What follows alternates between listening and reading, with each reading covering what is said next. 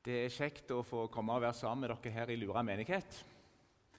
Mitt navn er Gunther Theis. Jeg er byprest i Sandnes. Har vært det nå i ett og et halvt år. Jobber da sammen med Øyvind Andersen og Ingeborg Krager, som har vært der i mange, mange år. Bypresten i Sandnes er altså Den norske kirkes arbeid blant rusavhengige i Sandnes. Eh, og vi er det på vegne av alle menighetene i byen og kommunen. Det betyr at når vi er ute i vårt arbeid blant rusavhengige, så er vi der på vegne av og som Lura menighet. Da er det veldig fint å få komme og være sammen med dere på gudstjeneste. Og så på denne dagen, allehelgenssøndagen, der vi minnes, der vi savner, men der vi òg feirer og tenker med takknemlighet på våre kjære som har gått over til den andre sida. Teksten vi leser sammen på allehelgenssøndagen, er fra Jesaja kapittel 60. Vi kan bare bli sittende. Ingen skal høre mer om vold i ditt land, om herjing og ødeleggelse innenfor dine grenser. Du skal kalle murene dine frelse og portene dine lovsang. Solen skal ikke lenger være ditt lys om dagen. Måneskinnet skal ikke lyse for deg, men Herren skal være ditt lys for evig. Din Gud skal være din herlighet. Din sol skal ikke gå ned, din måne skal aldri avta. For Herren skal være ditt lys for evig. Sørgedagene dine er til ende. I ditt folk skal alle være rettferdige. De skal eie landet til evig tid. De er et skudd i min hage som hendene mine har laget til min ære. Den minste skal bli til tusen, den ringeste til et mektig folkeslag. Jeg er Herren. Når tiden er inne, lar jeg det skje i hast. Slik lyder Herrens ord. For meg er det en spesiell dag, allehelgenssøndagen. Jeg mista min kjære mor i sommer. Jeg fikk sitte sammen med storebroren min ved hennes dødsleie når hun drog sine siste åndedrag. Og det var fredfullt. Og vi sa det til sykepleieren som kom inn etterpå. Det var så fredelig. Og hun sa som jo har sett mange mange slike situasjoner, at hun var ikke overraska over at det ble så fredelig, fordi hun hadde sett oss ved mors dødsleie de tre døgnene hun lå der. Hun hadde sett samholdet mellom oss, hun hadde sett vår relasjon til henne. Og ut fra det hun der så, sa hun jeg visste det ville bli slik. Jeg visste det ville bli fredelig. Nå er det ikke alltid det blir fredelig i dødsøyeblikket. Det er mange forskjellige historier om det. Men det som hun sa til oss, gjorde godt å høre. Samtidig som det fikk meg til å tenke i forhold til det arbeidet jeg har. I forhold til hvordan mange av de menneskene vi byprester jobber blant, der relasjonen til de nære og kjære er brutt og ødelagt. Hvor mange er det som ligger på sitt dødsleie? Og har en ødelagt eller flere ødelagte relasjoner som blir veldig sterke i den situasjonen. Det ble en påminnelse som om jeg trengte det, på hvor mye smerte og vondt det er i det landskapet vi byprester jobber i.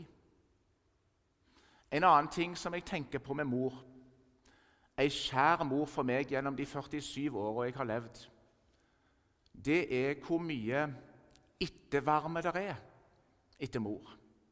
Det var presten i eh, sørgesamtalen som sa det til oss. Se for deg skjærgården en sommer. Sola har varma godt gjennom hele dagen. Og så sitter du på skjærgårdssteinene, og så går sola ned. Og så er sola vekke. Men varmen fra sola sitter igjen i steinene du sitter på, i lang tid, som en ettervarme. Og så er det slik at jeg har håpet om å få se mor igjen på oppstandelsens dag. Jeg har vissheten og tryggheten om at mor nå hviler hos Jesus. Men jeg kjenner òg på ettervarmen. En opplevelse av at mor på en måte lever videre i meg gjennom alle de gode minnene og gjennom alt det som hun har gitt meg. Ettervarmen. Men også tanken på det og gleden og takknemligheten over det får tankene for meg i neste omgang til å rette seg mot de menneskene vi jobber blant, og de brutte relasjonene til foreldre, de brutte relasjonene til søsken, de brutte relasjonene til sine egne barn. Alt det som har blitt ødelagt pga. rusen. Der det ikke er noen ettervarme. I det landskapet vi byprester jobber, så blir det veldig nært og aktuelt, det som teksten vår begynner med, om vold og herjing og ødeleggelse. Fordi når man lever med tung rusavhengighet, og når man lever i det tunge rusmiljøet, så lever man et liv som hele veien blir utsatt for herjing og ødeleggelse. Rusen herjer med kroppen ødelegger den i forhold til den fysiske helsa, ødelegger den i forhold til den mentale helsa, alle de psykiske problemene som våre folk strever med. Livet blir herja med og ødelagt i forhold til, som jeg har vært inne på, relasjoner til sine egne nære.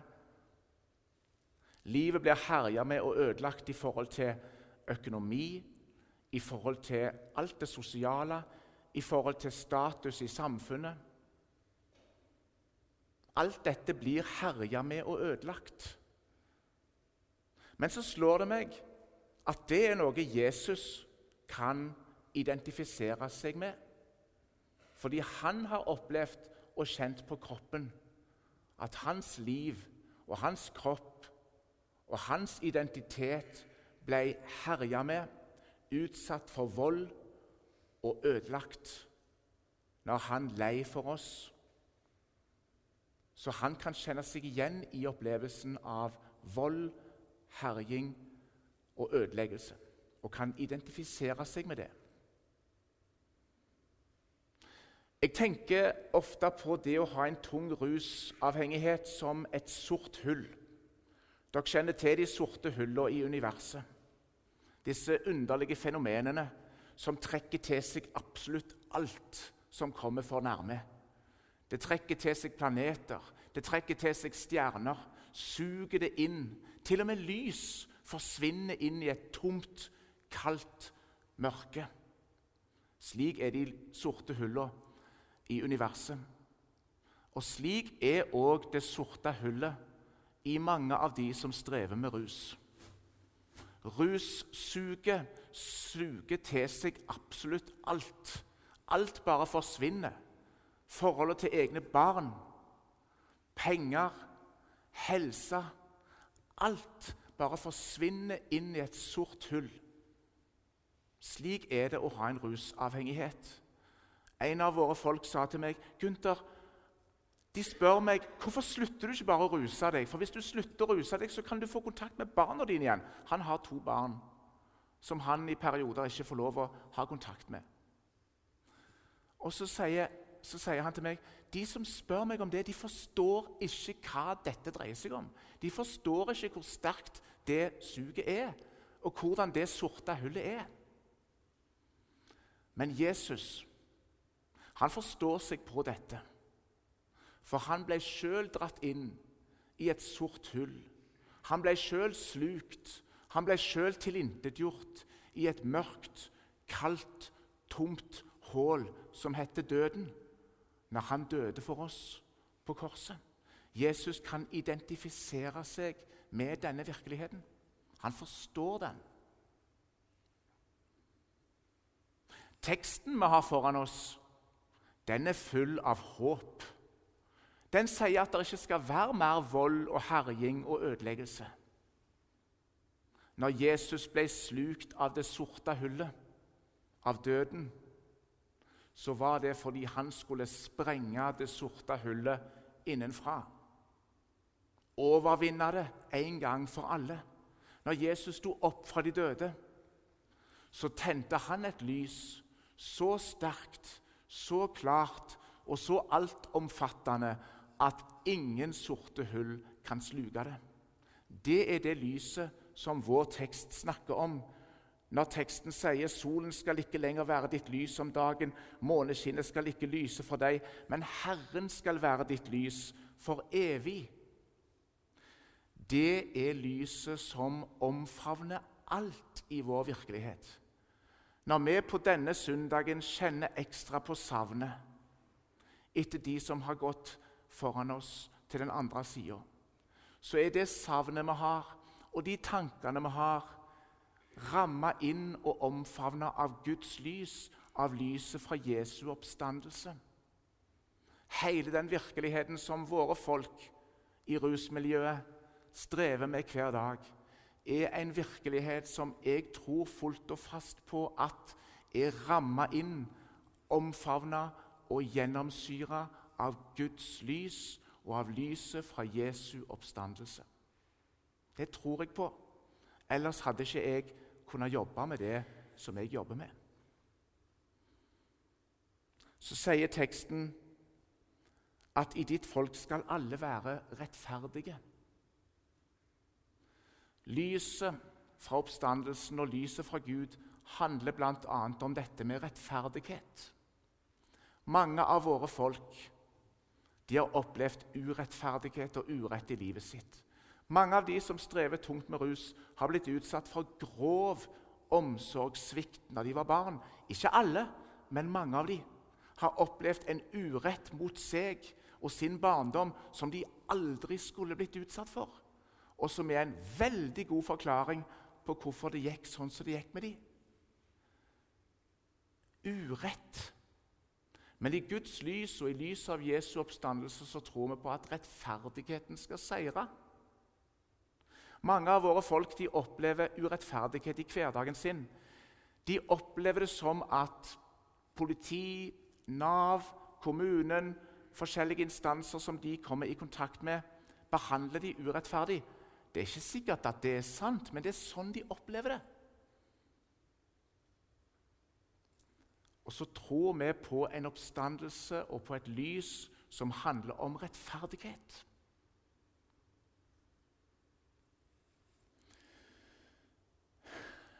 I teksten vår så heter det De er et skudd i min hage, som hendene mine har laget til min ære. Det er nydelig skrevet. Og det minner meg om dette at vi alle er skapt i Guds bilde.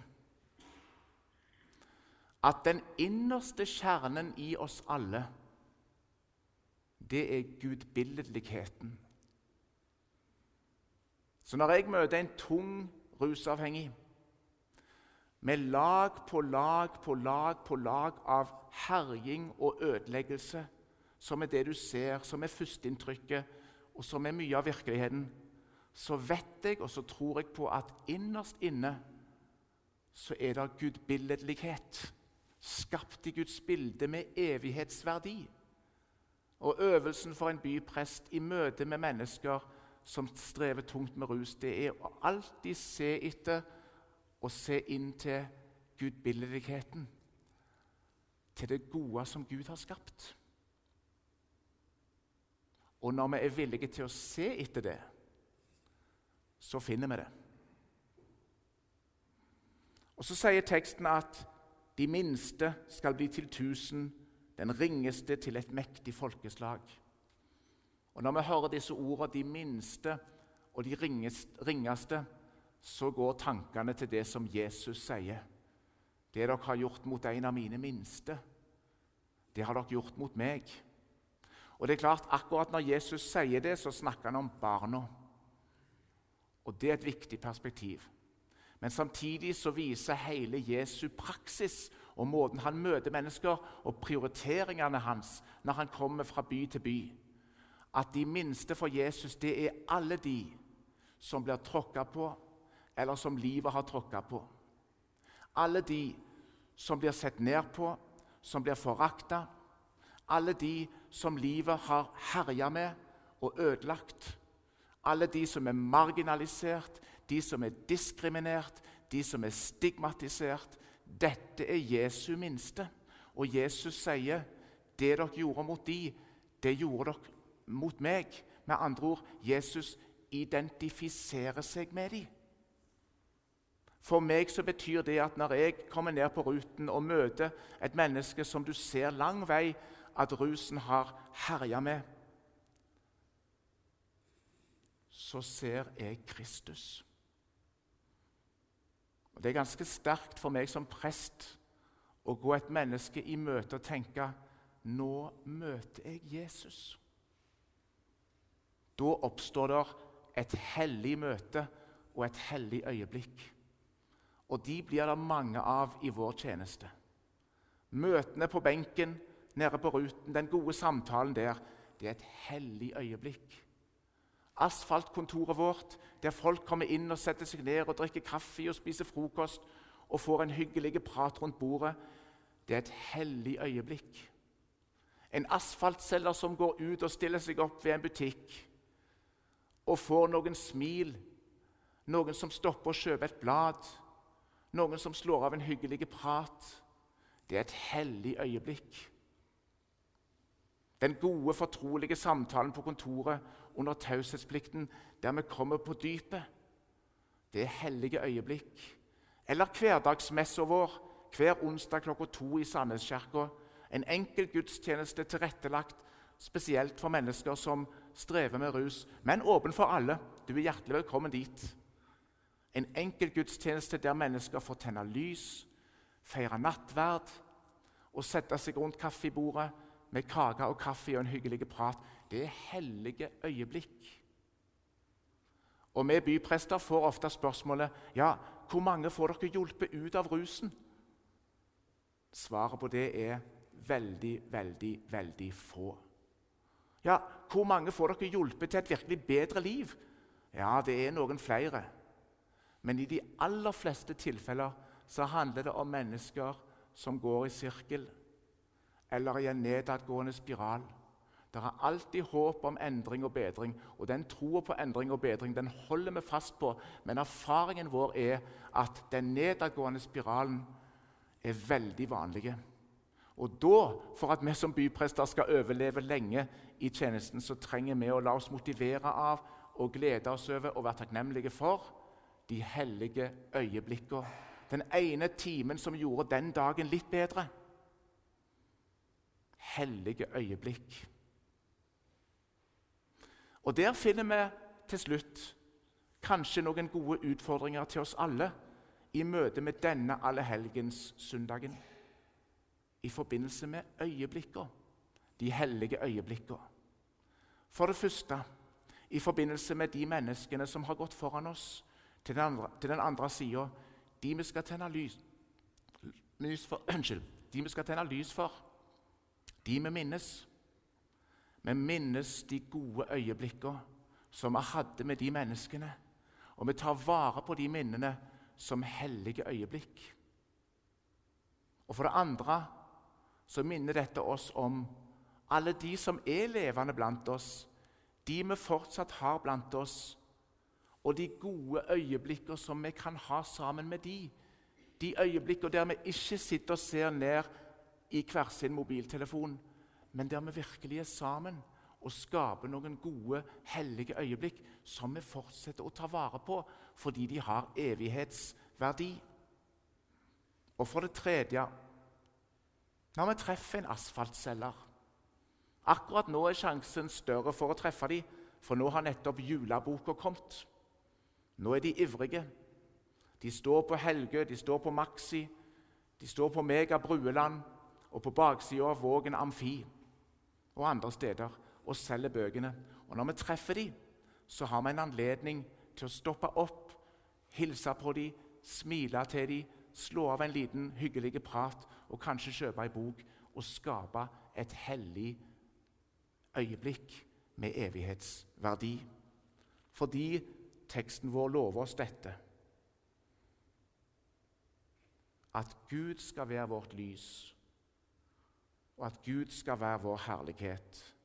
Det gjelder for oss, og det gjelder for alle menneskene i vår by og alle menneskene rundt oss. Ære være Faderen og Sønnen og Den hellige ånd, som var og er og blir en sann Gud fra evighet og til evighet. Amen.